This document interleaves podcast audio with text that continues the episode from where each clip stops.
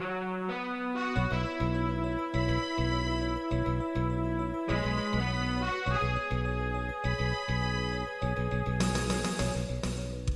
listening to Radio Free Asia. The following program is in Khmer.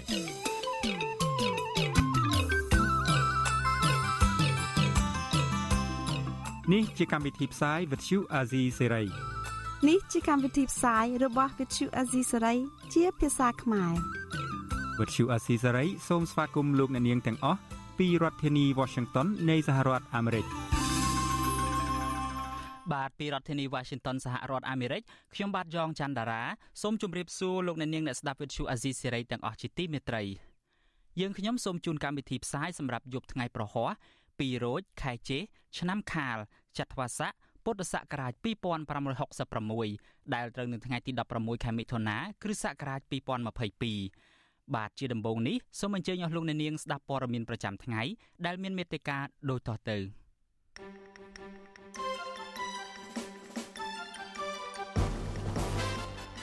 អ្នកវិភាគថាគណៈបកកណ្ដាលអំណាចនឹងចំណេញពីការបែកបាក់របស់ក្រមអ្នកប្រជាធិបតេយ្យអាមេរិកអំពាវនាវឲ្យអាជ្ញាធរកម្ពុជាដោះលែងកញ្ញាសេងធីរីនិងសកម្មជនគណៈបកប្រឆាំងដទៃទៀត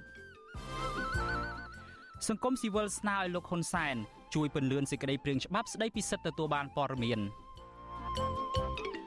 បាទយើងនឹងមានសេចក្តីរាយការណ៍ផ្ទាល់មួយផ្ដោតទៅលើមូលហេតុដែលសហរដ្ឋអាមេរិកនិងសម្ព័ន្ធមិត្តពិបាកជឿទុកចិត្តកម្ពុជារឿងបដិសេធពីការដាក់មូលដ្ឋានទ័ពចិននៅមូលដ្ឋានទ័ពជើងទឹកក្រៀមរួមនឹងព័ត៌មានសំខាន់ៗមួយចំនួនទៀត។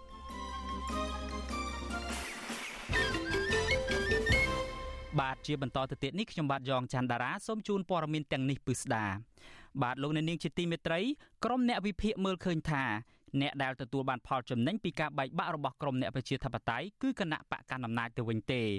ទោះជាយ៉ាងណាមន្ត្រីគណៈបកកណ្ដាលអំណាចអះអាងថាគណៈបករបស់ខ្លួនទទួលបានការគ្រប់គ្រងពីប្រជាពលរដ្ឋមិនមិនដែលពឹងផ្អែកទៅលើការបែកបាក់របស់ក្រុមអ្នកប្រឆាំងនោះឡើយបាទលោកសេកបណ្ឌិតរាយការណ៍ព័ត៌មាននេះក្រុមអ្នកវិភាគលើកឡើងថា ចំនួននៃអ្នកប្រជាធិបតេយ្យកំពុងធ្វើឲ្យផែនការផ្ទៃអំណាចត្រកូលហ៊ុនសែនដើរដោយរលូនត្បិតបកកណ្ដាលអំណាចនឹងនៅតែអាចឈ្នះឆ្នោតនៅឆ្នាំ2023ដោយងាយស្រួលក្រុមអ្នកវិភាគលើកឡើងបែបនេះគណៈកូនស្រីច្បងរបស់លោកកំសខាកញ្ញាកឹមមនុវិជាចេញមុខអះអាងបន្ថែមលើសម្ដីរបស់ឪពុក ថាពេលនេះលោកកំសខា និងលោកសំរងស៊ីបានចែកផ្លូវគ្នាជាស្ថាពរហើយ អ្នកវិភាគនយោបាយលោកកឹមសុខលើកឡើងថា បកកាន់អំណាចនឹងទទួលបានផលចំណេញដ៏ធំធេងពីរូបភាពបែកបាក់រវាងលោកកំសខានិងលោកសំរងស៊ីលោកយល់ថាគណៈបកកណ្ដាលអំណាចអាចឈ្នះការបោះឆ្នោតឆ្នាំ2023ដោយងាយស្រួលលោកបន្តថានៅពេលដែលគណៈបកប្រជាជនកម្ពុជា បន្តក្តោបក្តាប់អំណាចពេញដៃដដែលនោះលោកហ៊ុនសែននឹងដើរមួយជំហានទៀតគឺផ្ទេរអំណាចឲ្យកូនច្បងរបស់ខ្លួន គឺលោកហ៊ុនម៉ាណែត លោកហ៊ុនសែននឹងត្រៀមខ្លួនដើម្បីផ្ទេរអំណាចពីគាត់ទៅកូនគាត់ហើយត្រៀមខ្លួននេះគាត់មើលឃើញសញ្ញាកាន់តែច្បាស់កាន់តែច្បាស់ទី1គណៈបកភ្លើងទៀនបានចូលរួមបំពេញមុខគាត់កាន់តែច្បាស់ទី2សញ្ញានៃការបែកបាក់គ្នារបស់អ្នកប្រជាធិបតេយ្យក៏កាន់តែមើលឃើញច្បាស់ទៅទៀតស្រដៀងគ្នានេះដែរអ្នកឃ្លាំមើលនយោបាយនិងជាអ្នកសម្របសម្រួលគម្រោងនៃសមាគមបណ្ដាញយុវជនកម្ពុជាហៅកាត់ថា CYN លោកម៉ៅច័ន្ទតារាលើកឡើងថាការបែកបាក់ក្រុមអ្នកប្រជាធិបតេយ្យពេលនេះនឹងជះផលអវិជ្ជមានដល់ពលរដ្ឋដែលគ្រប់គ្រងអ្នកប្រជាធិបតេយ្យលោកយល់ថាក្រោយមានបញ្ហានេះកើតឡើងនឹងធ្វើឲ្យអ្នកប្រជាធិបតេយ្យពិបាកនៅក្នុងការប្រមូលអ្នកគ្រប់គ្រងរបស់ខ្លួនឲ្យមានការរួបរวมទៀមទារោគយុទ្ធធរសង្គមយុវជនរូបនេះឲ្យដឹងថារូបលោកផ្ទាល់មិនចង់ឃើញមេដឹកនាំគណៈបកប្រឆាំង គឺលោកសំរងស៊ីនិងលោកកំសុខាចែកផ្លូវគ្នាបែបនេះឡើយយើងមិនចង់ឲ្យគាត់ឲ្យមានការបែកខ្ញែកគ្នាដែរយើងចង់ឲ្យមានឲ្យសម្លេងអ្នកវិជាធិបតេយ្យចូលរួមឲ្យបានច្រើនដើម្បីចូលរួមប្រកួតប្រជែងយុទ្ធភ័ណ្ឌនៅក្នុងការបោះឆ្នោតឆ្នាំ2023ខាងមុខនេះហើយឲ្យសម្លេងបើតាមប្រកួតគាត់មានការចូលរួមច្រើនសម្លេងរបស់ពួកគាត់មានការលើកឡើងច្រើនយើងមើលឃើញថាគាត់មានការប្រកួតប្រជែងច្រើនការចូលរួមការប្រកួតប្រជែងនេះនឹងធ្វើឲ្យមានការបោះឆ្នោតដោយសេរីដំណាភាពហើយនឹងយុត្តិធម៌អ្នកឃ្លាំមើលនយោបាយលើកឡើងបែបនេះ ក្រោយពេលប្រធានគណៈបកសង្គ្រោះជាតិលោកកំសខាដែលកំពុងជាប់ក្តីក្តាមនៅតុលាការបានប្រកាសនៅមុខតុលាការថាលោកនិងលោកសំរងស៊ីបានដើរផ្លូវផ្សេងគ្នាយូរហើយលោកហាងទៀតថាលោកថែមទាំងបានណែនាំឲ្យអ្នកគាំទ្ររបស់លោកកុំឲ្យទៅពាក់ព័ន្ធនឹងការធ្វើសកម្មភាពរបស់លោកសំរាំងស៊ីបន្ថែមពីការថ្លែងរបស់លោកកំសខាបែបនេះកូនស្រីលោកកំសខា គឺកញ្ញាគឹមនោវិជាដែលកំពុងរស់នៅក្រៅប្រទេស បានសរសេរសារវិប្រហាលោកសំរាំងស៊ីថាក្រមលោកសំរាំងស៊ីផ្ដើមមានទស្សនៈខុសពីលោកកំសុខាចាប់តាំងពីលោកកំសុខាជាប់ពន្ធនាគារនិងបានដើរចេញពីលោកកំសុខាបន្តិចម្ដងបន្តិចម្ដង កូនស្រីច្បងរបស់មេបកប្រឆាំងរូបនេះបានលើកឡើងនៅលើទំព័រ Facebook នៅថ្ងៃទី16ខែមិថុនាថាលោកសំរងស៊ីខ្វះសច្ចភាព ខ្វះការទទួលខុសត្រូវ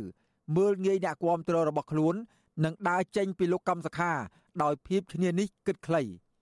កញ្ញាចោទប្រកាន់ថាទង្វើរបស់លោកសំរងស៊ីបែបនេះទើបធ្វើឲ្យមានការចែកផ្លូវគ្នាជាស្ថាពរតាក់ទងនឹងរឿងនេះដែរអ្នកគាំទ្រគណៈបកប្រជាជនកម្ពុជា លោកឈឹមផវរុននិយាយថា ការបែកបាក់របស់លោកសំរាស៊ីនិងលោកកំសខាមិនជាប់ពាក់ព័ន្ធនឹងគណៈបកប្រជាជនកម្ពុជានោះទេលោកបន្តថាគណៈបកប្រជាជនកម្ពុជាជោគជ័យមកទល់នឹងពេលនេះ ព្រោះការគ្រប់គ្រងរបស់ប្រជាពលរដ្ឋមិនមែនបានមកពីការបែកបាក់របស់មេបកប្រឆាំងទាំងពីរនាក់នោះឡើយអឺស្ដីគុណបែកបាក់គេបែកបាក់ទៅហើយការនេះទៅទៅបែកបាក់ទៅមិនមែនណាគេអ្នកបែកទេគឺយើងឆ្លាញ់គ្នាកម្រិតអីយើងមិនដឹងបានជាវាបែកបាក់មិនមែនរឿងគេបំបែកទេទោះបីជាអ្នកនាំពាក្យគណៈបកប្រជាជនកម្ពុជាលោកឈឹមផវរុនអះអាងបែបនេះក្តី ប៉ុន្តែការរួបរวมរបស់ក្រមអ្នកប្រជាធិបតេយ្យនៃគណៈបកសំរងស៊ីនិងគណៈបកសិទ្ធិមនុស្សដែលបង្កើតបានជាគណៈបកសង្គ្រោះជាតិធ្វើឲ្យគណៈបកនេះបិះនឹងឈ្នះឆ្នោតកាលពីឆ្នាំ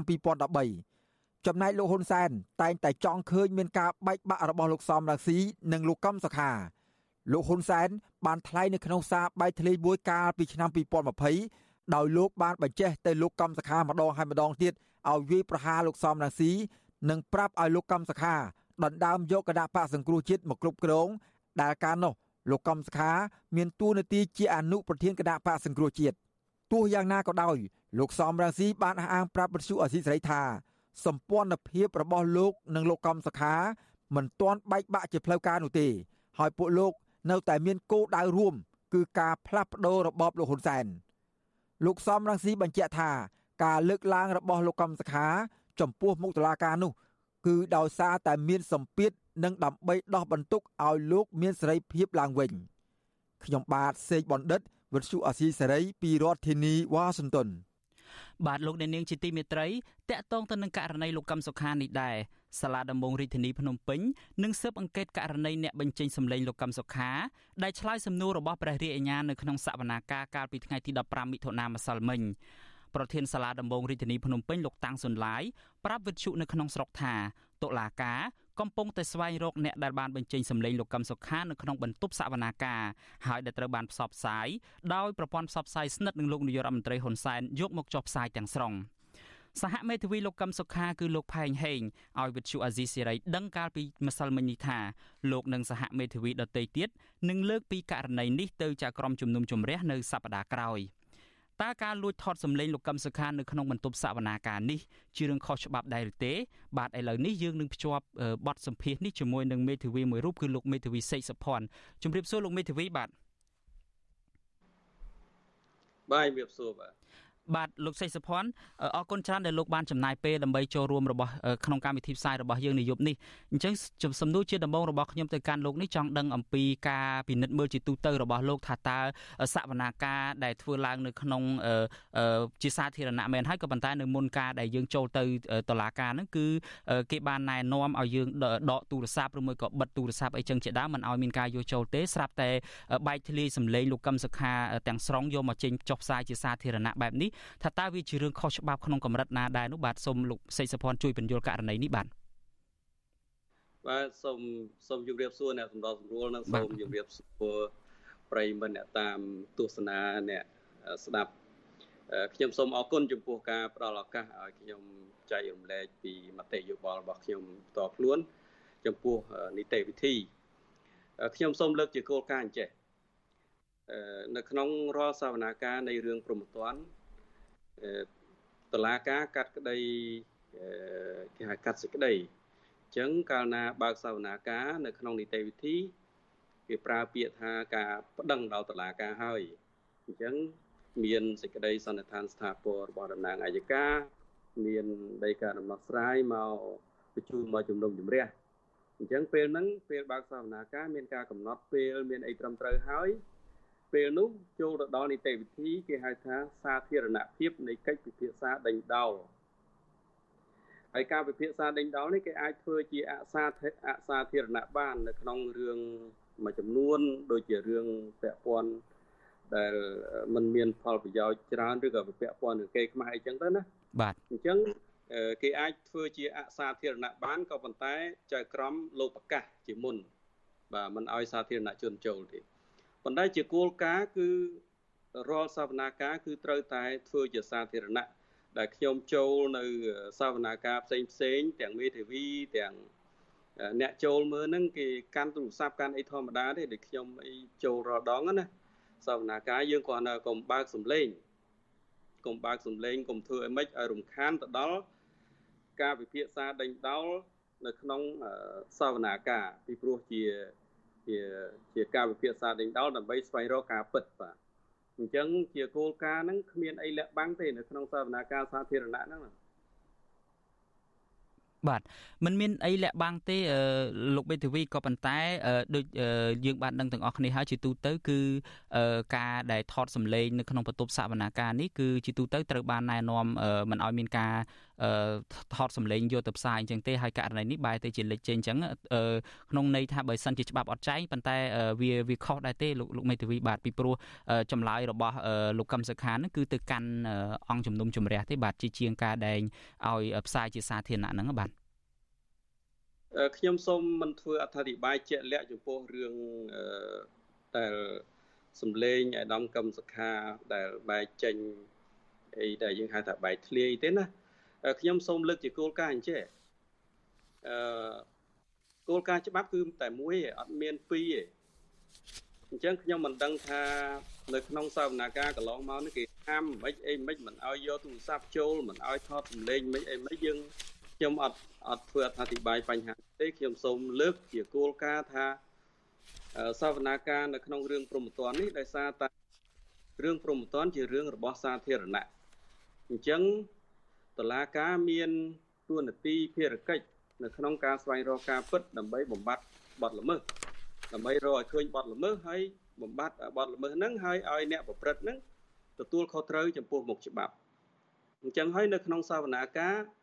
អឺអានេះខ្ញុំសូមបើកវងកញ្ចក់ខ្លះនៅប្រទេសខ្លះគេគេគេបន្តផ្ទាល់តាមទូរទស្សន៍ទៀតបាទប៉ុន្តែនៅក្នុងនីតិវិធីយើងជាធរមានមាត្រា316និយាយពី សាធារណភាពនៃនៃកិច្ចពិភាក្សាដេញដោលនិងភាពសម្ងាត់នៃការពិភាក្សាដេញដោលហ្នឹងគឺត្រូវតែមានការសម្រេចពីដំបូងដោយដោយចែកក្រុមជំនុំជម្រះឬក៏ប្រធានក្រុមប្រឹក្សាជំនុំជម្រះចឹងទៅក្នុងករណីរឿងបទអក្រិតបាទ បាទលោកសីសុភ័ណ្ឌជាទូទៅសវនាការសំណុំរឿងលោកកឹមសុខានេះហាក់បីដូចជាមានការបិទបាំងច្រើនបើទោះបីជាវាជាសំណុំរឿងក៏ក្រើករឿងធំយ៉ាងណាក្តីថាតើលោកមានយោបល់បន្ថែមយ៉ាងម៉េចចំពោះសំណុំរឿងនេះដែរបាទអឺខ្ញុំមិនដឹងថារឿងកក្រើករឿងមិនកក្រើកទេប៉ុន្តែចង់និយាយថាអឺដើម្បីឲ្យតឡាការនឹង អនុវត្តទៅតាមនីតិវិធីបន្តតែធ្វើតាមនីតិវិធីជាទូទៅនៅក្នុងរឿងព្រមត្តនអត់មានខុសគ្នាទេលើកលែងតែសវនាការដេញដោលជាការសម្ងាត់ដែលមានការប្រកាសត្រឹមត្រូវដោយក្រមជំនុំជម្រះឬក៏ប្រធានក្រុមប្រឹក្សាជំនុំជម្រះហ្នឹងពីដំបូងនៅក្នុងករណីខ្លះសវនាការសាធារណៈមែនក៏ប៉ុន្តែជាក្រមជំនុំជម្រះឬក៏ក្រុមប្រឹក្សាប្រធានក្រុមប្រឹក្សាហ្នឹងលោកមើលឃើញមានភាពចាំបាច់នៅក្នុងការ ពិភាក្សាជាការសម្ងាត់អញ្ចឹងសូមឲ្យសាធារណជនចេញសិនសូមឲ្យតំណែងពាក់ព័ន្ធទៅនៅអញ្ចឹងករណីខ្លះក៏អាចធ្វើជាផ្នែកនៃសវនាការដេញដោលហ្នឹងជាការសម្ងាត់បានដែរអញ្ចឹងហើយបើសិនជាមានការកំណត់ជាការសម្ងាត់អញ្ចឹងការថតសម្លេងការអឺស្ដាប់ការអីរបស់អ្នកដតីហ្នឹងគឺគឺគេគេហាមហើយអញ្ចឹងបើសិនជារឿងសាធារណៈជាគោលការណ៍អត់មានអីលាក់បាំងទេបាទបាទ អញ្ចឹងខ្ញុំសូមអរគុណលោកមេធាវីសេកសុភ័ណ្ឌច្រើនដែលបានចំណាយពេលចូលរួមនៅក្នុងកម្មវិធីនេះបាទសូមជម្រាបលាលោកសេកសុភ័ណ្ឌបាទបាទសូមអរគុណសូមជម្រាបលាបាទបាទលោកអ្នកនាងជាទីមេត្រីតកតងទៅនឹងរឿងមួយនៅឯខេត្តមណ្ឌលគិរីឯណោះវិញអគ្គនាយកក្រុមហ៊ុន NC Construction and Development អះអាងថាភរិយារបស់លោកបានទិញដីទំហំជាង200ហិកតាស្ថិតនៅក្នុងឃុំដាក់ដាមស្រុកអូរាំងខេត្តមណ្ឌលគិរីដោយមិនបានដណ្ដើមដីពីប្រជាពលរដ្ឋនោះទេបាទទោះបីជាយ៉ាងណាជនជាដើមភៀតតិចជាច្រើនគ្រួសារនៅតែអះអាងថាដីទាំងនោះមួយផ្នែកប៉ះចំដីចំការវិលជុំនិងដីសមូហភាពដែលពួកគាត់ធ្លាប់អាស្រ័យផលជាច្រើនឆ្នាំមកហើយបាទលោកជីវិតារាយការណ៍ព័ត៌មាននេះបាទស្ថាប័នសង្គមស៊ីវិលទាំងនោះ រួមមានមជ្ឈមណ្ឌលកម្ពុជាដើម្បីប្រព័ន្ធផ្សព្វផ្សាយឯករាជ្យ CCIM វិជាស្ថានតស៊ូមតិនិងគោលនយោបាយអង្គការសម្ព័ន្ធការពារសិទ្ធិមនុស្សកម្ពុជា API មជ្ឈមណ្ឌលសិទ្ធិមនុស្សកម្ពុជា CCHR សមាគមការពារសិទ្ធិមនុស្សអាត60សម្ព័ន្ធអ្នកសារព័ត៌មានកម្ពុជា Cambodia និងស្ថាប័នមួយចំនួនផ្សេងទៀត។ នាយកប្រតិបត្តិសម្ព័ន្ធអ្នកសារព័ត៌មានកម្ពុជាកម្ពុជាលោកណប់វីប្រាប់វិទ្យុអាស៊ីសេរីនៅរសៀលថ្ងៃទី16មិថុនាថាមូលហេតុដែលពួកលោកដាក់លិខិតនេះដោយសារពួកគេមើលឃើញពីភាពយឺតយ៉ាវនៃសេចក្តីព្រាងច្បាប់នេះដែលបានអូសបន្លាយពេលតាំងពីឆ្នាំ2018រហូតមកដល់ពេលនេះមិនទាន់អនុម័តនៅឡើយទេ លោកបន្តថាក្នុងស្ថានភាពរាតត្បាតជំងឺ Covid-19 នេះអ្នកសារព័ត៌មានមានការពិបាកក្នុងការទទួលព័ត៌មានពិត ត្រឹមត្រូវពីស្ថាប័នរដ្ឋដើម្បីចែករំលែកដល់ប្រជាពលរដ្ឋយើងឃើញថាមានបញ្ហាប្រឈមច្រើនណាស់ដោយសារតែការមិនទទួលបានព័ត៌មានពិតប្រាកដពីស្ថាប័នរដ្ឋហ្នឹងចឹងហើយបានយើងពិនិត្យឃើញថាការអនុម័តច្បាប់ស្តីពីសិទ្ធិទទួលព័ត៌មាននេះគឺជារឿងមួយដែលចាំបាច់បំផុតនៅក្នុងស្ថានភាពបច្ចុប្បន្ននេះដែលយើងជំរុញទៅរាជរដ្ឋាភិបាលហើយយើងស្នើសម្ដេចនាយករដ្ឋមន្ត្រីជួយអន្តរាគមន៍ដើម្បីធ្វើម៉េចពន្លឿនអនុម័តសេចក្តីព្រាងច្បាប់នោះឲ្យបានឆាប់រហ័សបាទ តាក់ទងនឹងបញ្ហានេះអ្នកនាំពាក្យក្រសួងព័ត៌មានលោកមាសសុភ័ណ្ឌបានប្រាប់វិទ្យុអាស៊ីសេរីថាការយឺតយ៉ាវក្នុងការអនុម័តសេចក្តីព្រាងច្បាប់នេះគឺដោយសារកម្ពុជាផ្ទុះការរាតត្បាតជំងឺ Covid-19 និងមានការបើកទូលាយក្នុងការប្រមូលមតិយោបល់ពីដៃគូពាក់ព័ន្ធលោកបញ្ជាក់ថា ក្រសួងព័ត៌មានក៏កំពុងដំណើរការស្នើសុំសេចក្តីព្រាងច្បាប់ស្តីពីសិទ្ធិទទួលបានព័ត៌មាននេះទៅស្ថាប័នពាក់ព័ន្ធបន្តទៀតដើម្បីឈានទៅដល់ការអនុម័តច្បាប់នេះក្នុងពេលឆាប់ៗខាងមុខ។ មកដល់ពេលបច្ចុប្បន្ននេះក្រមការងារបច្ចេកទេសក្រសួងព័ត៌មាននិងក្រសួងយុតិធម៌បានបញ្ចប់នៅក្នុងកិច្ចពិភាក្សាទៅលើសេចក្តីព្រាងច្បាប់សិទ្ធិទទួលព័ត៌មាននឹងរួចរាល់ហើយជាពិសេសគឺត្រង់ចំពុកទោសបញ្ញត្តិហ្នឹងហើយក្រសួងព័ត៌មានកំពុងតែរៀបចំឯកសារពាក់ព័ន្ធទៅនឹងដំណើរសេចក្តីព្រាងច្បាប់នេះដាក់ជូនគណៈដឹកនាំនៃក្រសួងទាំងពីរដើម្បីប្រជុំពិនិត្យពិភាក្សាចុងក្រោយនិងស្នើសុំការផ្ដល់អនុសាសន៍ណែនាំក្នុងក្នុងការដាក់ស្នើសុំសេចក្តីព្រាងច្បាប់សិទ្ធិទទួលព័ត៌មាននេះទៅស្ថាប័នទីស្តីការគណៈរដ្ឋមន្ត្រីក៏ដូចជាស្ថាប័នអន្តរបញ្ញត្តិផងដែរច្បាប់ស្តីពីសិទ្ធិទទួលបានព័ត៌មាន គឺជាច្បាប់ដ៏សំខាន់មួយ ដែលសហគមន៍ជាតិនិងអន្តរជាតិបានទន្ទឹងរង់ចាំអស់រយៈពេលជាច្រើនឆ្នាំមកហើយពលគឺចាប់តាំងពីរដ្ឋាភិបាល បានរៀបចំក្រុមការងារបច្ចេកទេសតាក់តែងច្បាប់នេះកាលពីឆ្នាំ2018ច្បាប់នេះមានសារៈសំខាន់ដោយធានាឲ្យសាធារណជនគ្រប់រូបមានសិទ្ធិនិងសេរីភាពក្នុងការទទួលបានព័ត៌មាន ដែលរដ្ឋាភិបាលមានកាតព្វកិច្ចផ្ដល់ឲ្យច្បាប់នេះចែងពីភារកិច្ចដែលស្ថាប័នរដ្ឋត្រូវផ្ដល់និងផ្សព្វផ្សាយព័ត៌មានជាសាធារណៈដោយអនុលោមតាមរដ្ឋធម្មនុញ្ញកម្ពុជា និងសេចក្តីប្រកាសជាសកលស្តីពីសិទ្ធិមនុស្សច្បាប់នេះតម្រូវឲ្យស្ថាប័នសាធារណៈឬស្ថាប័នរដ្ឋត្រូវបង្កលក្ខណៈងាយស្រួលនិងបើកទូលាយក្នុងការផ្ដល់ព័ត៌មានគ្រប់ប្រភេទដល់សាធារណជនតាមការស្នើសុំដោយគ្មានការរើសអើង តាមបែបបទដែលងាយយល់ក្នុងពេលវេលានិងតម្លៃសមស្របលើកលែងតែព័ត៌មានសម្ងាត់ដែលអន្តរាយដល់សន្តិសុខជាតិតែទោះជាបែបនេះក្តី អ្នកជំនាញថាគេត្រូវតែកំណត់និយមន័យនៅក្នុងច្បាប់នៅអ្វីដែលហៅថាសន្តិសុខជាតិដើម្បីកុំឲ្យស្ថាប័នរដ្ឋចេះតែលើកហេតុផលឬយកលេសមកសំអាងថាព័ត៌មានដែលស្នើសុំនោះជាព័ត៌មានប៉ះពាល់ដល់សន្តិសុខជាតិដូច្នេះរដ្ឋមិនអាចផ្ដល់ឲ្យបាននោះទេ ជុំវិញការស្នើពន្លឿនសេចក្តីព្រាងច្បាប់ទទួលបានព័ត៌មាននេះអ្នកនាំពាក្យសមាគមការពារសិទ្ធិមនុស្សអាត6លោកសឹងសែនករណាដែលបានចូលរួមដាក់លិខិតដែរនោះមើលឃើញថាក្រសួងពាក់ព័ន្ធហាក់យឺតយ៉ាវក្នុងការអនុម័តសេចក្តីព្រាងច្បាប់នេះដែលខុសពីច្បាប់មួយចំនួនផ្សេងទៀតដូចជាច្បាប់ការពារការរាតត្បាតជំងឺ Covid-19 និងជំងឺកាចសាហាវផ្សេងទៀតនិងច្បាប់រំលាយគណៈបកនយោបាយជាដើមគឺរដ្ឋាភិបាលបានប្រើពេលវេលាដ៏ខ្លីប៉ុណ្ណោះ ក្នុងការអនុម័តនឹងដាក់ឲ្យប្រើប្រាស់ នយោបាយគាត់ចង់អនុម័តអីហ្នឹងយើងឃើញថាឆាប់ខាស់ណាស់អញ្ចឹងយើងក៏មិនចង់ឃើញច្បាប់នេះដែលជាប្រយោជន៍រួមដល់សង្គមជាតិយើងហ្នឹងមានភាពយឺតយ៉ាវអញ្ចឹងទេគួរមានការជំរុញឲ្យបានលឿនជាងនេះដើម្បីឲ្យច្បាប់នឹងបានអនុម័តទៅហើយយើងបានយកមកប្រើប្រាស់កាលណាមានច្បាប់វាជាប់កាតព្វកិច្ចអីអ្នកដែលអនុវត្តគម្រោងអ្នកដែលមានតួនាទីទទួលខុសត្រូវក្នុងជួររដ្ឋាភិបាលហ្នឹងត្រូវគោរពទៅតាមច្បាប់ហ្នឹងហើយហើយទៅការទទួលខុសត្រូវរបស់ពួកគេហ្នឹងក៏មានការប្រុងប្រយ័ត្នហើយមានការអនុវត្តទូនាទីនឹងគម្រោងនឹងក៏បានល្អជាងមុនដែរពួកគេអះអាងថាប្រសិនបើការដាក់លិខិតនេះមិនទទួលបានលទ្ធផលទេនោះពួកគេនឹងបន្តពន្យល់ដល់ពលរដ្ឋអំពីសារៈសំខាន់នៃច្បាប់ស្តីពីសិទ្ធិទទួលបានព័ត៌មាននេះហើយនឹងរៀបចំធ្វើយុទ្ធនាការដើម្បីឲ្យប្រជាពលរដ្ឋយល់ដឹងកាន់តែទូលំទូលាយអំពីច្បាប់នេះខ្ញុំជីវិតាអាស៊ីសេរី បាទលោកអ្នកនាងស្ដាប់ជាទីមេត្រីខ្ញុំបាទសូមអភ័យទោសចំពោះព័ត៌មានអំបញ្ញមិញនេះអ្វីដែលលោកជីវិតារាយការណ៍អំបញ្ញមិញនេះគឺតកតងទៅនឹងថាអង្គការសង្គមស៊ីវិលជាង30ស្ថាប័ននៅថ្ងៃទី16ខែមិថុនានេះបានដាក់លិខិតទៅខុទ្ទកាល័យលោកនាយករដ្ឋមន្ត្រីហ៊ុនសែនឲ្យជួយពន្លឿនសេចក្តីព្រាងច្បាប់ស្តីពីសិទ្ធិទទួលបានព័ត៌មានប៉ុន្តែអ្នកនាំពាក្យក្រសួងព័ត៌មានឆ្លើយតបថាការយឺតយ៉ាវនៅក្នុងការអនុម័តសេចក្តីព្រាងច្បាប់នេះគឺដោយសារវិបត្តិជំងឺ Covid-19 និងនីតិវិធីនៃការប្រមូលធាតុផ្សំជាមួយស្ថាប័នពាក់ព័ន្ធដែលមានច្រើនដំណាក់កាលបាទលោកអ្នកនាងជាទីមេត្រី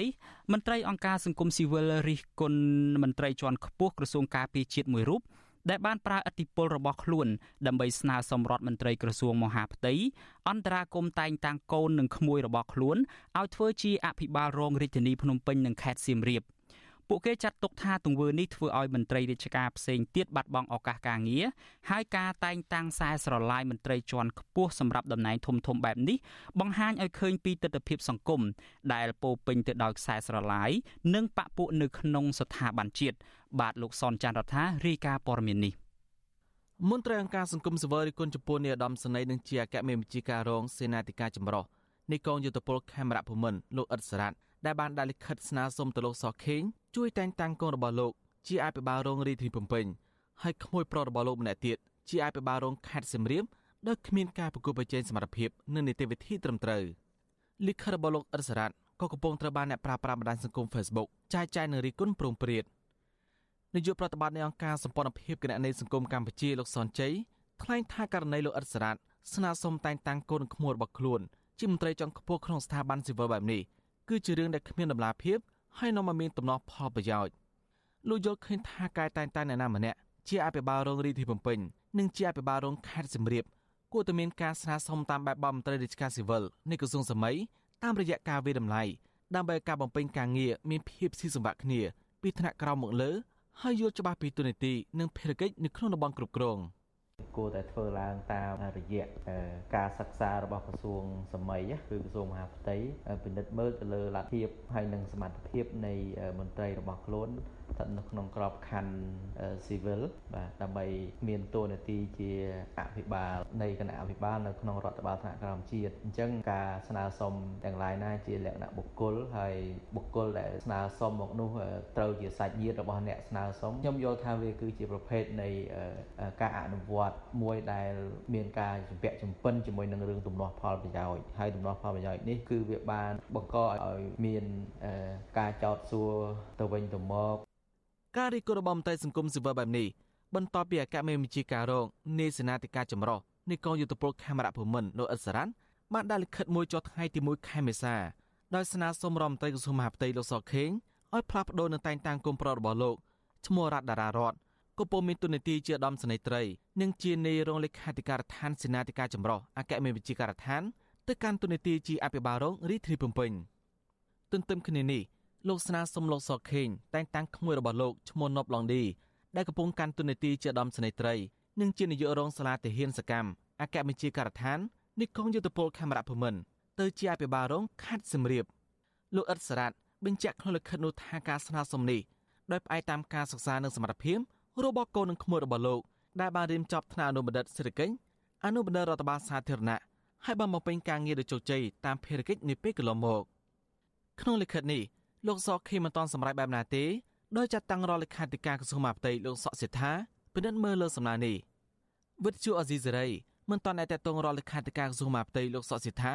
និងនាយឧត្តមសេនីយ៍លោកអ៊ិតសរ៉ាត់ដើម្បីសុំការថាតបាយបានទេជុំវិញរឿងនេះប៉ុន្តែលោកអ៊ិតសរ៉ាត់បានថ្លែងប្រាប់វិទ្យុសម្លេងសហរដ្ឋអាមេរិក VOA ថាវាជារឿងហួសទៅហើយលោកក៏សួរទៅអ្នកសារព័ត៌មានវិញថាហេតុអ្វីខ្វល់ខ្វាយការតែងតាំងកូននិងក្មួយរបស់លោកបែបនេះដែលលោកបញ្ជាក់ថានេះគឺជាការងារមន្ត្រីរាជការ នាយកប្រតិបត្តិអង្គការដំឡាភិបកម្ពុជាលោកពេជ្រពិសីប្រាប់វិទ្យុអេស៊ីសេរីថ្ងៃទី16ខែមិថុនាថាការជ្រើសរើសការតែងតាំងឬក៏ដំឡើងតំណែងមន្ត្រីរាជការណាមួយគួរជ្រើសរើសតាមនីតិវិធីដែលមានជាធរមានដោយផ្អែកលើគោលការណ៍ដំណាភិបគណនេយ្យភាពសមត្ថភាពនិងភាពស្មើគ្នាស្របតាមបទពិសោធន៍រួមទាំងអតីតភាពការងារលោកបន្តថាការជ្រើសរើសឬការតែងតាំងមន្ត្រីរាជការបែបនេះមិនគួរកគូរឿងបាក់ពួកនិងខ្សែស្លាយរបស់មន្ត្រីជាន់ខ្ពស់នោះទេ នៅក្នុងក្របខ័ណ្ឌសាធារណៈជាការចាំបាច់ណាស់ដែលយើងរើសមន្ត្រីដែលមានសមត្ថភាពបំពេញកិច្ចការជាតិកិច្ចការដែលបម្រើប្រយោជន៍សាធារណៈអញ្ចឹងជាការប្រសើរដែលយើងត្រូវតែជ្រើសរើសនឹងដោយផ្អែកទៅលើសមត្ថភាពជាក់ស្ដែងរបស់មន្ត្រីនឹងហើយផ្ដល់ឱកាសស្មើគ្នាចំពោះមន្ត្រីទាំងអស់នៅក្នុងស្ថាប័នសាធារណៈនឹងដើម្បីឲ្យអ្នកដទៃដែលមានសមត្ថភាពពិតប្រាកដនឹងអាចមានឱកាសនៅក្នុងការកាន់កាប់តំណែងសំខាន់ៗរបស់ជាតិជាពិសេសគឺយុវជនឬក៏មន្ត្រីក្មេងៗងហើយជាស្ត្រីទៅទៀតបាទខ្ញុំលើកទឹកចិត្តឲ្យមានការផ្ដល់ឱកាសឲ្យស្មើគ្នាឬក៏ផ្ដល់ឱកាសឲ្យបានច្រើនថែមទៀតទៅដល់ស្ត្រីហើយនិងយុវជនក៏ដូចជាមន្ត្រីដែលមានសមត្ថភាពក្មេងៗដែលគាត់អាចកាន់កាប់កិច្ចការធំធំបាននៅក្នុងស្ថាប័នរដ្ឋសពថ្ងៃនេះវាសឹងតែជារឿងធម្មតាទៅហើយសម្រាប់មន្ត្រីកម្ពុជាកម្ពុជារបស់គណៈបកកណ្ដាលអំណាចបើមានឪពុកឬក៏ម្ដាយជាតំណាងរាស្ត្រឬក៏ជាប្រធានស្ថាប័នឬក៏ជាមន្ត្រីជាន់ខ្ពស់នៅកន្លែងណាមួយគឺតែងតែយកប្រពន្ធប្តីកូនឬក៏សាច់ញាតិ មកដាក់កាន់តំណែងក្រមអាវ៉ារបស់ខ្លួនឬក៏កន្លែងខ្លាញ់ណាមួយដែរពួកគេអាចធ្វើបែបនេះជាធម្មតាប្រសិនបើពួកគេនៅតែស្មោះស្ម័គ្រនឹងបកឬក៏មេដឹកនាំកម្ពុជារបស់ពួកគេ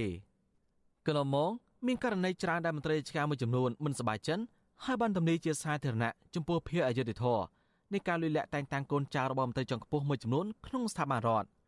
ករណីទាំងនេះមានដូចជាករណីគ្រួសារនិយមក្នុងស្ថាប័នក្រសួងព័ត៌មាន របស់រដ្ឋលេខាធិការនឹងជានីខុទ្ទកាល័យក្រសួងព័ត៌មានលោកឈុំសុជាតិករណីគ្រួសារនិយមក្នុងតឡាការយោធាគ្រប់គ្រងដោយដំសនីឯកផ្កាយ3លោកនៃថុលករណីគ្រួសារនិយមក្នុងការនាយកដ្ឋានសមនកម្មផ្ទៃក្នុងនៃក្រសួងមហាផ្ទៃដឹកនាំដោយនាយឧត្តមសេនីយ៍ផ្កាយ4ធឹមសុផានិងករណីគ្រួសារនិយមក្នុងអង្គភាពប្រឆាំងពើពលរលួយដឹកនាំដោយលោកអោយយន្ទានជាដើមអង្គការសង្គមស៊ីវិលសង្កេតឃើញថាការតែងតាំងបពពួកនិងក្រុមគ្រួសារសញ្ញារបស់ខ្លួនក្នុងស្ថាប័នរដ្ឋនេះ ក៏បានទាញទម្លាក់ប្រជាប្រិយភាពគណៈបកកណ្ដាលអំណាចផងដែរ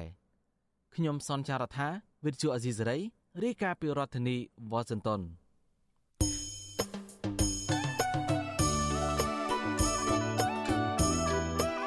បាទលោកអ្នកនាងជាទីមេត្រីដំណើរគ្នានឹងស្ដាប់ការផ្សាយរបស់វិទ្យុអាស៊ីសេរីតាមបណ្ដាញសង្គម Facebook និង YouTube លោកអ្នកនាងក៏អាចស្ដាប់ការផ្សាយរបស់វិទ្យុអាស៊ីសេរីតាមរយៈរលកធាតុអាកាសខ្លីឬ Shortwave តាមកម្រិតនិងកម្ពស់ដូចតទៅនេះ ពេលព្រឹកចាប់ពីម៉ោង5កន្លះដល់ម៉ោង6កន្លះតាមរយៈរលកធាតុអាកាសខ្លី12140 kHz ស្មើនឹងកម្ពស់ 25m និង13715 kHz ស្មើនឹងកម្ពស់ 22m ពេលយប់ចាប់ពីម៉ោង7កន្លះដល់ម៉ោង8កន្លះតាមរយៈរលកធាតុអាកាសខ្លី9960 kHz ស្មើនឹងកម្ពស់ 30m 12140 kHz ស្មើនឹងកម្ពស់ 25m និង11885 kHz ស្មើនឹងកម្ពស់ 25m បាទសូមអរគុណបាទលោកអ្នកនាងជាទីមេត្រីពាក់ព័ន្ធទៅនឹងការចាប់ខ្លួនកញ្ញាសេងធីរីឯណោះវិញក្រសួងការបរទេសសហរដ្ឋអាមេរិកអំពាវនាវឲ្យអាជ្ញាធរកម្ពុជាដោះលែងកញ្ញាសេងធីរី និងសកម្មជនគណៈបកប្រឆាំងទាំងអស់ដែលត្រូវបានជាប់ឃុំដោយអយុត្តិធម៌ អ្នកនាំពាក្យក្រសួងការបរទេសសហរដ្ឋអាមេរិកលោក Ned Price ថ្លែងក្នុងសេចក្តីប្រកាសព័ត៌មានកាលពីថ្ងៃទី15មិថុនាថាសហរដ្ឋអាមេរិកព្រួយបារម្ភយ៉ាងខ្លាំងចំពោះការកាត់ក្តីកាលពីថ្ងៃទី14ខែមិថុនាលើសកម្មជនគណៈបកប្រឆាំងជាក្រុមនៅកម្ពុជា រួមទាំងមេធាវីខ្មែរអាមេរិកកាំងកញ្ញាសេងធីរីផងដែរអ្នកនាំពាក្យក្រសួងការបរទេសអាមេរិកលើកឡើងទៀតថា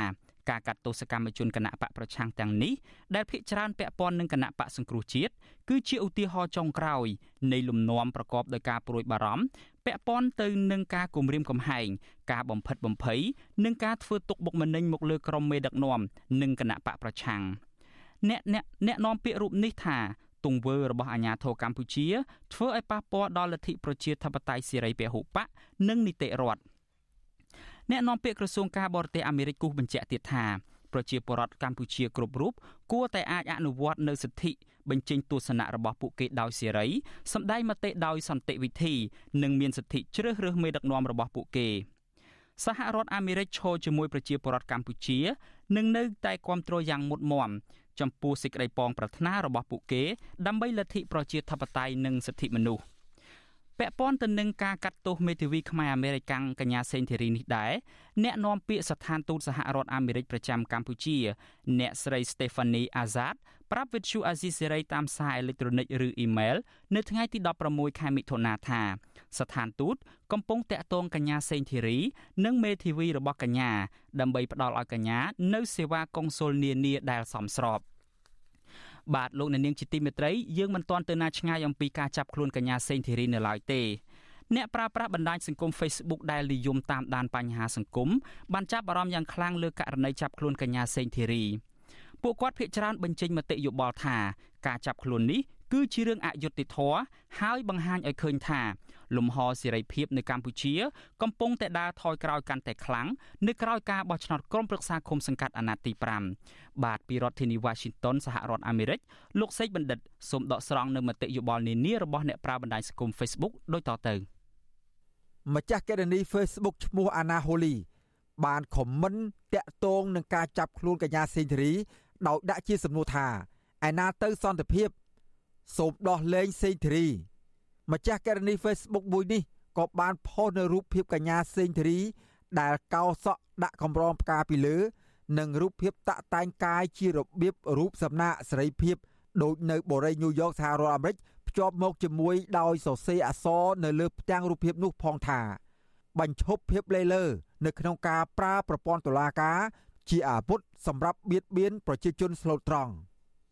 ម្ចាស់កេរនី Facebook ដដែលក៏បានបង្ហោះនៅផ្ទាំងរូបភាពផ្សេងធារីពីរទៀតដែរដោយមានសរសេរអក្សរពីលើផងថាអយុធធនណាស់ដោះលែងសេងធារីសេរីភាពនៅឯណាទៅ បើឃើញតែចាប់ចោលបែបនេះ ចំណែកម្ចាស់កេរនី Facebook មួយទៀតឈ្មោះឈឿនដារាវី បានដកស្រង់សាររបស់កញ្ញាសេងធារី មុនពេលអាជ្ញាធរចាប់ខ្លួននោះ មកផ្សព្វផ្សាយបន្តនៅលើ Facebook របស់ខ្លួន សារនោះបានសរសេរថា ខ្ញុំជាដង្ហើមរបស់បងប្អូន បងប្អូនមិនអាចរស់នៅស្រួលដោយគ្មានខ្ញុំបានទេខ្ញុំជាចម្រុះពណ៌ដ៏រស់រវើក ដែលធ្វើឲ្យជីវិតបងប្អូនមានន័យខ្ញុំជាតន្ត្រីពីរោះដែលចិញ្ចឹមប្រលឹងបងប្អូនខ្ញុំជាអុកស៊ីហ្សែនដែលបងប្អូនដកដង្ហើមរបបផ្ដាច់ការនេះចង់រារាំងបងប្អូនមិនឲ្យដកដង្ហើមរបបផ្ដាច់ការនេះចង់ឡោមព័ទ្ធឃុំសេរីភាព ដោះលែងសេរីភាពជ័យយោសេរីភាព បាទរីឯម្ចាស់ករណី Facebook ផ្សេងទៀតដាក់ឈ្មោះថា Long KTV ក៏បានខមមិនតាក់ទងទៅនឹងសិទ្ធិសេរីភាពបញ្ចេញមតិនៅស្របពេលដែលព័ត៌មាននៃការចាប់ខ្លួនកញ្ញាសេងធារី បានល្បីសុសសាយពេញផ្ទៃប្រទេស និងពិភពលោកផងនោះថាឃើញអ្នកខមមិនមួយម៉ាត់គុកពីរម៉ាត់គុកមិនឃើញនៅទួលស្លែងបឹងតបែកទេអីគួរភ្ញាក់រលឹកផងឃើញគេដាក់គុក ធ្វើទរណកម្មប៉ុណ្ណឹងហើយមិនឈឺចាប់ទេអីឬក៏មិនហ្នឹងឆ្ងល់ដែរសម័យនេះហើយនៅនិយាយតែពីគុកមិនទៅហៅតែសន្តិភាព ចំណែកម្ចាស់ករណី Facebook មួយទៀតឈ្មោះមករានុតបានបញ្ចេញទស្សនៈជុំវិញការចាប់ខ្លួនកញ្ញាសេងធីរីដែរថា អាពួកនេះរួមធ្វើបាបមនុស្សស្រីទុនខ្សោយដោយឆ្កែដណ្ដើមសាច់ស៊ីអញ្ចឹងចំណែកឯម្ចាស់ករណី Facebook ឈ្មោះជាជាវិញ ក៏បានខមមិនតបពាក់ព័ន្ធនឹងឯករាជ្យភាពរបស់តុលាការដែរថាមិនដឹងថាហៅតុលាការឬក៏ហៅថាក្រុមចៅព្រៃនោះទេបើបានរៀននៅសាលាពួកគេអាចមើលឃើញថាទង្វើបែបណាខុសបែបណាញុះញង់បែបណាបំផ្លាញសន្តិសុខជាតិបែបណាបំផ្លាញធម្មជាតិបើមិនចេញសេចក្តីសម្រេចពីអាមេយ៉ងថាឲ្យចាប់ទេ គេមិនចាប់ទេ អាមេយ៉ងហ្នឹងបងប្អូនដឹងហើយថាជានរណា ផ្ទះយួនរាប់ពាន់បណ្ដែតពេញទឹកទលេសាបតើតុលាការដែលគិតថាជារឿងសន្តិសុខជាតិដែរទេ អាពួកនេះកុំឲ្យកើតជាខ្មែរល្អជាងចុះនរកទៅកុំឲ្យកូនខ្មែរកាត់សន្តានដូចដោយឡែកម្ចាស់ករណី Facebook ឈ្មោះសាមុនបានសរសេរហាក់ឌឺដងឲ្យកញ្ញាសេនធរី ដែលតែងតែប្រកាសមិនចុះចាញ់លើការយកតុលាការគុកច្រវាក់មកគម្រាមកំហែងសេរីភាពបញ្ចេញមតិរបស់ប្រជាពលរដ្ឋចង់បិទមាត់កុំឲ្យស្រែកតវ៉ា មិនឲ្យរោគយុទ្ធធរសង្គមជាដើមនោះម្ចាស់ករណី Facebook រូបនេះសរសេរថា ចង់ចូលគុកយូរហើយឥឡូវចូលគុកបានសម្រេចមែនអបអសាទរស្រដៀងគ្នានេះដែរម្ចាស់ករណី Facebook ឈ្មោះច័ន្ទនីយុទ្ធធោក៏បានចំអកឲ្យកញ្ញាសេងធីរីដែរថា នោះអប្សរាអត់សក់ជាប់គុកបាត់យករូបសំណាក់អាមេរិកឯណាមកផុសឲ្យមានចលនាក្នុងស្រុកខ្មែរសមមុខហើយដោយឡែកខមមិនផ្ទុយពីនេះវិញ ម្ចាស់ករណី Facebook ឈ្មោះយាយធោយាយធោបានខមមិនតបថារស់នៅក្រោមរបបផ្ដាច់ការធ្វើអ្វីនិយាយអ្វីធ្វើអ្វីផ្ទុយពីការចង់បានរបស់គេ គឺក្បត់ជាតិទាំងអស់រីឯម្ចាស់ករណី Facebook មួយទៀតដែលដាក់រហស្សនាមថាសូមជួបស្នេហ៍ស្មោះបានថ្លែងដោយអង្វរកថាយោគយល់ដល់ប្រជាជនខ្លះផងកុំអាងអីចាប់ដាក់គុកនឹងនោះបាទពាក់ព័ន្ធនឹងរឿងនេះដែរ ម្ចាស់ករណី Facebook ឈ្មោះអានិកខ្មែរក្រោមក៏បានបង្ហោះនៅផ្ទាំងរូបភាពកញ្ញាសេងធារី ជារូបភាពតាក់តែងកាយជារបៀបរូបសំណាកសេរីភាពដូចនៅបូរីញូវយ៉កដែរនិងរូបភាពក្រោយពេលចាប់ខ្លួន ដោយស្លៀកពាក់ខោអាវពណ៌ស្លាទុំ ដែលសម្គាល់ថាជាពិរិទ្ធជនអានិកខ្មែរក្រោមបានសរសេរអត្ថាធិប្បាយអមនឹងរូបភាពនោះថា វាជារឿងអយុត្តិធម៌ដែលកើតមាននៅក្នុងសង្គមខ្មែរយើងមិនចេះចប់ ហេតុអ្វីរូបភាពបែបនេះ នៅតែមានបន្តទៀតសូមបញ្ឈប់ការចាប់ចងបន្តទៀតទៅវាអត់ចំណេញទាល់តែសោះសិទ្ធិមនុស្សនៅកម្ពុជាកំពុងធ្លាក់ចុះយ៉ាងដុនដាប សូមដោះលែងកញ្ញាសេងធារីទៅ ចំណែកម្ចាស់ករណី Facebook ឈ្មោះថនរដ្ឋាដែលគេស្គាល់ថាជាសកម្មជនបរិស្ថានក៏បានខមមិនជុំវិញការចាប់ខ្លួនកញ្ញាសេងធារីនេះដែរ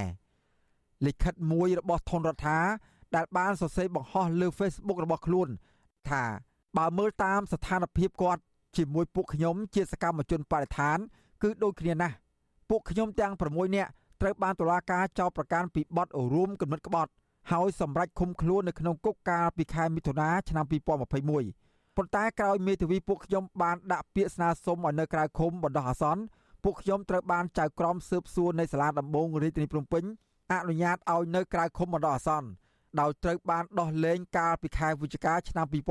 2021ហើយមានភ្ជាប់នៅលក្ខខណ្ឌមួយចំនួនដូចជាមិនអនុញ្ញាតឲ្យចេញក្រៅប្រទេសត្រូវបង្ហាញខ្លួនមួយខែម្ដងនៅដើមសប្តាហ៍នៃខែនីមួយៗករណីអ្នកមីងសេងធារីមិនខុសគ្នាពីពួកខ្ញុំទេ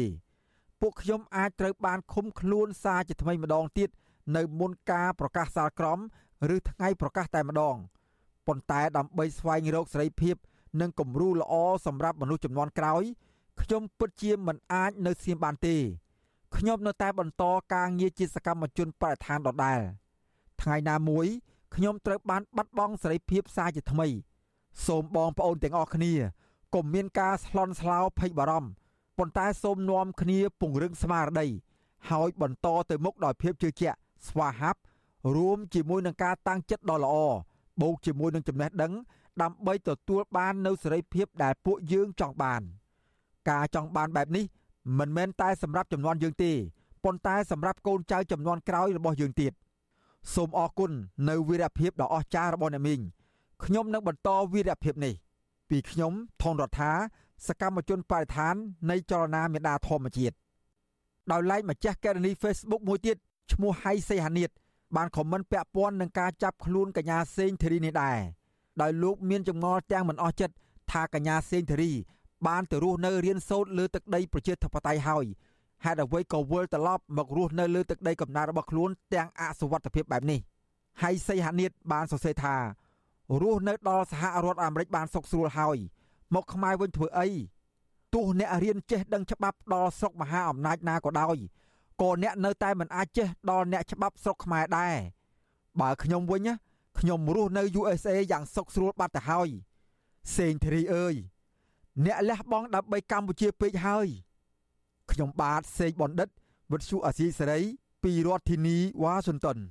បាទលោកអ្នកនាងជាទីមេត្រីពាក់ព័ន្ធទៅនឹងរឿងក្តីក្រាំប្រឆាំងនឹងកញ្ញាសេងធីរីនេះដែរមេធាវីការពារក្តីឲ្យកញ្ញាសេងធីរីគឺលោកជួងជងីឲ្យដឹងថាលោកនឹងព្យាយាមចូលទៅជួបជាមួយកូនក្តីនៅពន្ធនាគារម្ដងទៀតក្រោយពីមន្ត្រីពន្ធនាគារបានបដិសេធ មន្ត្រីពន្ធនាគារអះអាងថាពេលនេះអាជ្ញាធរពន្ធនាគារកំពុងចាត់វិធានការនានាតាក់ទងទៅនឹងសន្តិសុខសវត្ថិភាពដោយបានចាត់ទុករឿងក្តីនេះថាជារឿងក្តីពិសេសបាទអ្នកស្រីសុជីវីរាយការណ៍ព័ត៌មាននេះមេធាវីការពារក្តីឲ្យកញ្ញាសេងធីរីលោកជួងជងីប្រាប់វិទ្យុអាស៊ីសេរីនៅរសៀលថ្ងៃទី16ខែមិថុនាថាលោកបានប្រឹងប្រែងសូមជួបជាមួយនឹងកូនក្តីគឺកញ្ញាសេងធីរីនៅក្នុងពន្ធនាគារក៏ប៉ុន្តែមន្ត្រីពន្ធនាគារបានបដិសេធ រួចស្នើឲ្យលោកទៅសុំការអនុញ្ញាតពីតុលាការសិនលោកថាការបដិសេធនេះគឺខុសស្រឡះពីអ្វីដែលមានចែងនៅក្នុងច្បាប់ និងនីតិវិធីដែលថាមេធាវីឬកូនក្តីអាចសុំស្នើជួបគ្នាដើម្បីជជែករកវិធីប្តឹងជំទាស់រឿងក្តីទាំងឡាយណា ដែលអ្នកចាញ់មិនសុខចិត្តហើយយល់ថារងភាពអយុត្តិធម៌លោកបញ្ជាក់ថាលោកនឹងព្យាយាមទៅសុំជួបកូនក្តីរបស់លោកម្ដងទៀតហើយប្រសិនបើមន្ត្រីពន្ធនាគារ នៅតែមិនយល់ព្រមឲ្យកញ្ញាសេងធីរីជួបនឹងលោកលោកនឹងរៀបចំឯកសារដាក់ពាក្យប្តឹងទៅក្រសួងមហាផ្ទៃសុំឲ្យលោកសខេងរដ្ឋមន្ត្រីនៃក្រសួងនេះជួយដោះស្រាយព្រោះមន្ត្រីពន្ធនាគារធ្វើខុសទៅនឹងនីតិវិធីដោយមិនអនុញ្ញាតឲ្យមេធាវីជួបកូនក្តី។ ពីព្រោះព្រឹកនោះកញ្ញាសេងធីរីអត់បានចូលទៅក្នុងបន្ទប់សវនាការទេអញ្ចឹងគាត់អត់ដឹងច្បាស់ថាតើតឡាការសម្រេចយ៉ាងណាពាក់ព័ន្ធរឿងគាត់អញ្ចឹងខ្ញុំទៅនឹងគុំគូបំណងប្រាប់គាត់ពីសេចក្តីសម្រេចរបស់តឡាការនិងពន្យល់គាត់ពីសិទ្ធិប្តឹងអូតូក្នុងករណីថាគាត់មិនសុខចិត្តគាត់ចង់ប្តឹងអូតូខ្ញុំនឹងរៀបចំពាក្យបែបប័ណ្ណប្តឹងអូតូជូនគាត់ប៉ុន្តែខ្ញុំមានការសោកស្ដាយដោយមន្ត្រីពន្ធនាគារមកពីមិនអនុញ្ញាតឲ្យខ្ញុំចូលជួបកញ្ញាសេងធីរីទេអញ្ចឹងខ្ញុំទៅអត់បានជួបកញ្ញាសេងធីរីទេ អ្នកនាំពាក្យអគ្គនាយកដ្ឋានពន្ធនាគារលោកនុតសាវណ្ណាប្រាប់វិទ្យុអាស៊ីសេរីថាមន្ត្រីពន្ធនាគារ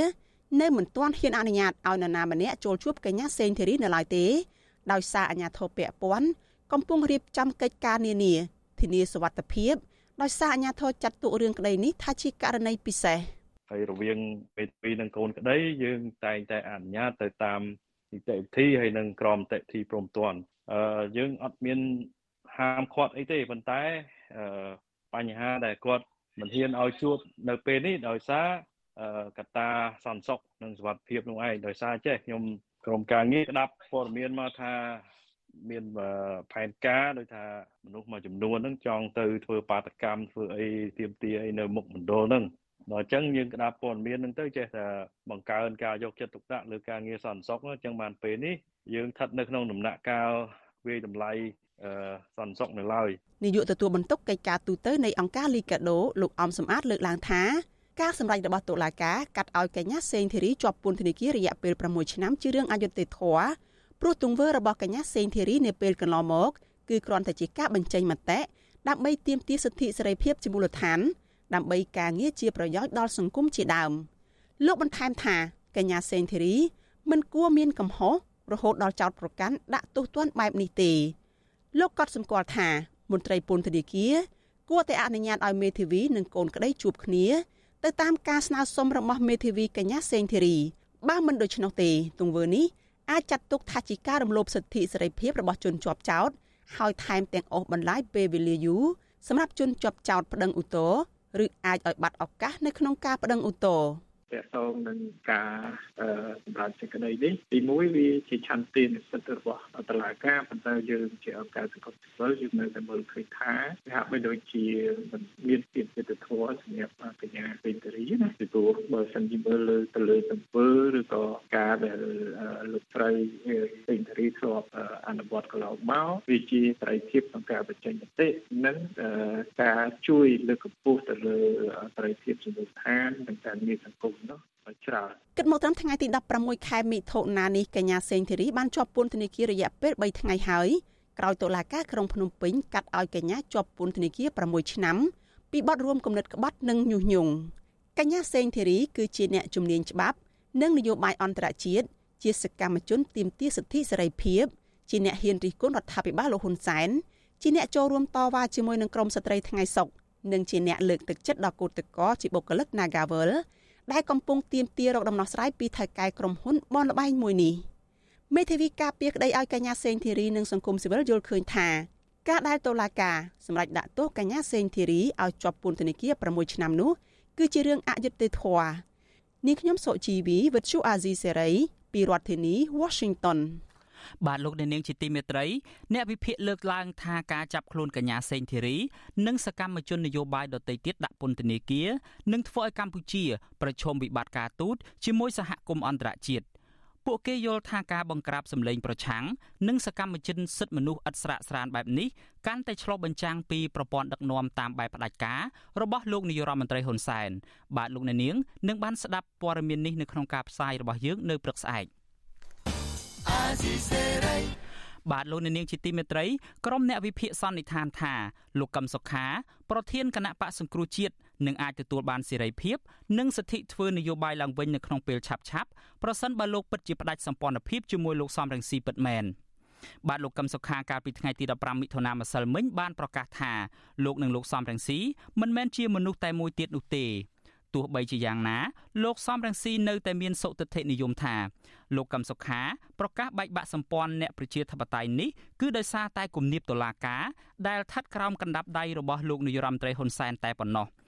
តើការប្រកាសផ្ដាច់សម្ព័ន្ធភាពរបស់លោកកឹមសុខានៅពេលនេះគឺជាយុទ្ធសាស្ត្រនយោបាយឬមួយក៏ជាការបែកបាក់មែនតែនបាទសូមលោកអ្នកនាងរងចាំស្ដាប់បទសម្ភាសន៍អំពីរឿងនេះនៅក្នុងកម្មវិធីផ្សាយរបស់យើងនាពេលបន្តិចទៀតនេះ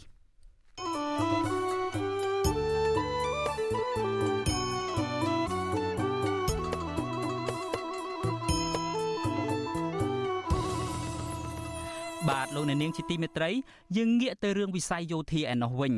រឿងរ៉ាវដែលកម្ពុជាអនុញ្ញាតឲ្យចិនអភិវឌ្ឍកំពង់ផែកងទ័ពជើងទឹករៀមនិងប្រើប្រាស់ផ្ដាច់មុខនេះបានក្លាយទៅជាបញ្ហាដ៏ចម្រូងចម្រាសនិងដ៏គួរឲ្យព្រួយបារម្ភនៅក្នុងតំបន់និងប្រទេសមួយចំនួនដូចជាសហរដ្ឋអាមេរិកជាដើម តើហេតុអ្វីបានជាកម្ពុជា បន្តបដិសេធនិងចិននៅតែបន្តបដិសេធដដែលក៏ប៉ុន្តែសហគមន៍អន្តរជាតិនៅតែមិនអាចជឿជាក់បានចំពោះករណីនេះបាទយើងមានអ្នករាយការណ៍របស់យើងមួយរូបគឺលោកមានរិទ្ធលោកនឹងចូលខ្លួនដើម្បីបកស្រាយលម្អិតអំពីរឿងនេះបាទសូមជម្រាបសួរលោកមានរិទ្ធបាទបាទជំរាបសួរលោកតារាបាទបាទលោកមានរិទ្ធជាដំណងនេះខ្ញុំចង់ឲ្យលោកជួយសង្ខេបដោយត្រួសត្រាសអំពីការវិវត្តចុងក្រោយនៃករណីមូលដ្ឋានតបជើងទឹករៀមថាតើវិវត្តទៅដល់ណាខ្លះហើយបាទ បាទអរគុណតារាដោយដែលយើងបានផ្សាយជាបន្តបន្ទាប់ហើយអំពីករណីនៅកំពង់ផែកងទ័ពជើងទឹករៀមនេះគឺយើងឃើញថាកាលពីថ្ងៃទី8ខែមិថុនានេះមានការដាក់សម្ពោធគឺការបើកការដ្ឋានសាងសង់កំពង់ផែកងទ័ពជើងទឹករៀមនេះជាផ្លូវការតែម្ដងដែលយើងហៅដែលកម្ពុជាអះអាងថាជាការធ្វើទំនើបកម្មកំពង់ផែកងទ័ពជើងទឹករៀមដែលគម្រោងនេះមានរយៈពេល2ឆ្នាំហើយកម្ពុជានិងចិននឹងអះអាងថា ដោយសារតែកំពង់ផែកងទ័ពជើងទឹករៀមនេះមានសភាពរាក់ពេកពិបាកឲ្យកប៉ាល់ធំធំចូលចតហ្នឹងគឺមានគោលដៅចង់ពរិះកំពង់ផែកងទ័ពជើងទឹករៀមនេះឲ្យបានធំជាងមុន5ដងដែលអនុញ្ញាតឲ្យកប៉ាល់ទំហំរហូតដល់ទៅ5000តោនអាចចូលចតនៅកំពង់ផែកងទ័ពជើងទឹករៀមនេះបានហើយបើតាមព័ត៌មានបញ្ចេញឲ្យដឹងពីសំណាក់កម្ពុជានិងចិនថាមានកម្មករសំណង់ ជនជាតិចិននិងជនជាតិនិងកម្ពុជានឹងប្រមាណជា200នាក់កំពុងធ្វើការនៅក្នុងគម្រោងធ្វើទំនើបកម្មកំពង់ផែកងទ័ពជើងទឹករៀមនេះក៏ប៉ុន្តែយើងមិនដឹងជាក់លាក់ថាក្នុងចំណោម200នាក់នោះកម្មករដែលជាជនជាតិចិនឬក៏ជាយោធាចិននឹងមានប្រមាណអ្នកឲ្យពិតប្រាកដនោះទេហើយព័ត៌មានឲ្យដឹងទៀតថាការសាងសង់កំពង់ផែកងទ័ពជើងទឹករៀម ដែលជាការធ្វើទំនើបកម្មជាពាក្យដែលកម្ពុជានិងចិនប្រើប្រាស់នេះគឺការពង្រីកកំពង់ផែកងទ័ពជើងទឹករៀមនេះមានការចូលរួមធ្វើដោយក្រុមហ៊ុនរដ្ឋអំណាចចិនមួយដែលក្រុមហ៊ុននោះឈ្មោះថាក្រុមហ៊ុន China Metallurgical Group ឬហៅកាត់ថា MCC ដែលបានចុះហត្ថលេខាកិច្ចព្រមព្រៀងសហប្រតិបត្តិការជាមួយកម្ពុជានឹងតាមពិតតាំងពីឆ្នាំ2016មកម្លេះលោកតារាបាហើយ តាម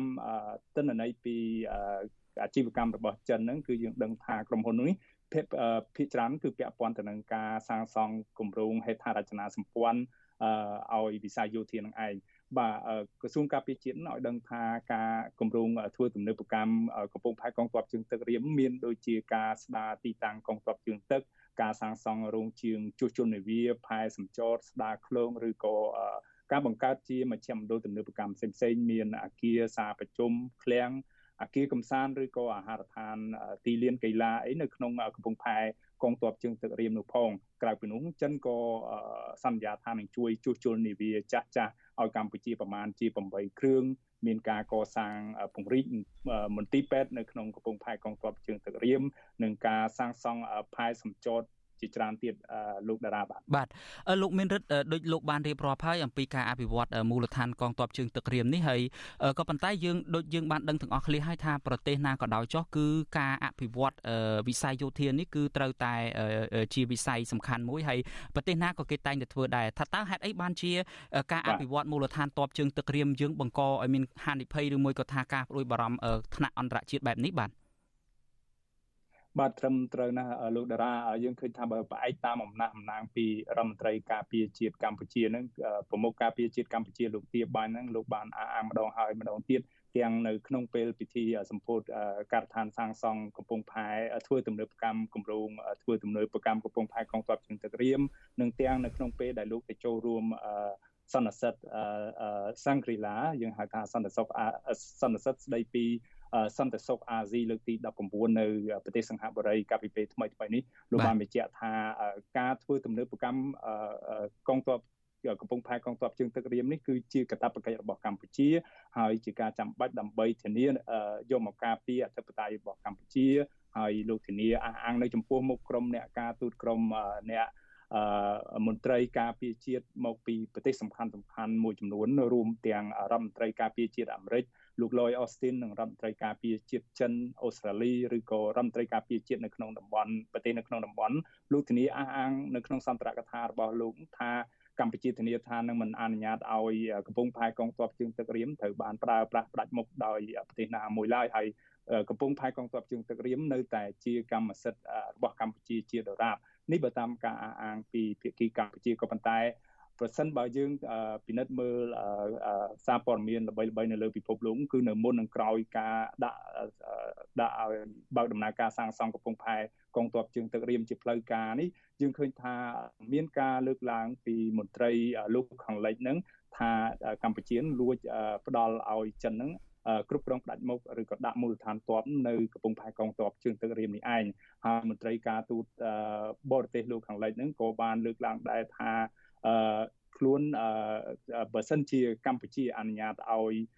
ចិនបង្កើតជាមូលដ្ឋានកងទ័ពយោធាផ្ដាច់មុខមែននោះនោះកម្ពុជានឹងក្លាយទៅជាទីតាំងកំពង់ផែទីតាំងកងទ័ពមូលដ្ឋានទ័ពរបស់ចិនទី1នៅក្នុងតំបន់យុទ្ធសាស្ត្រនៅ Indo-Pacific ហើយបច្ចុប្បន្ននេះចិនមានមូលដ្ឋានកងទ័ពតែមួយគត់នៅលើពិភពលោក នៅគឺនៅភូមិភាគអាហ្វ្រិកនៅប្រទេសជីបូទី ក៏ប៉ុន្តែបើសិនបើមានកម្ពុជាឈានទៅអនុញ្ញាតឲ្យចិនប្រើប្រាស់កំពង់ផែនេះផ្ដាច់មុខគឺគេនឹងចិននឹងប្រែក្លាយកំពង់ផែកងទ័ពជើងទឹករៀមឲ្យក្លាយទៅជាមូលដ្ឋានទ័ពទី2របស់ខ្លួនហើយក្នុងនោះដែរកាសែតសារព័ត៌មាន The Washington Post របស់អាមេរិកហ្នឹងក៏បានស្រង់ប្រសាសន៍សម្ដីមន្ត្រីក្រុងប៉េកាំងដែលជាមន្ត្រីរដ្ឋាភិបាលក្រុងប៉េកាំងបានទទួលស្គាល់ថាពិតជាមានកងទ័ពជើងទឹក ចិនហ្នឹងគ្រប់គ្រងមួយផ្នែកគឺនៅភាគខាងជើងនៃតំបន់កំពង់ផែកងទ័ពជើងទឹករៀមមែនគឺកម្ពុជាផ្ដល់ឲ្យចិនមួយផ្នែកនៅភាគខាងជើងហ្នឹងដែលមានទំហំប្រមាណជា0.3គីឡូម៉ែត្រការ៉េឬឬប្រមាណជា300ម៉ែត្រការ៉េនៅភាគខាងជើងហ្នឹងហើយមន្ត្រីរដ្ឋាភិបាលចិនរូបនោះក៏បានប្រាប់ទម្លាយប្រាប់កាសែត The Washington Post ដែរថាចិននឹងមានគម្រោងដាក់បង្កើតនៅឬក៏ កសាងនៅគេហៅថាស្ថានីយ៍ផ្ទាល់ដីនៃស្ថានីយ៍ satellite ដើម្បីកំណត់ទីតាំងឈ្មោះថា Baidu នឹងដើម្បីអនុញ្ញាតឲ្យចិននឹងអាចគ្រប់គ្រងមើលតាមដានចលចលនារបស់ទ័ពឬក៏ចលនារបស់គ្រាប់មីស៊ីលអីជាដើមបាទនេះជាជាការអះអាងពីការបែកធ្លាយពី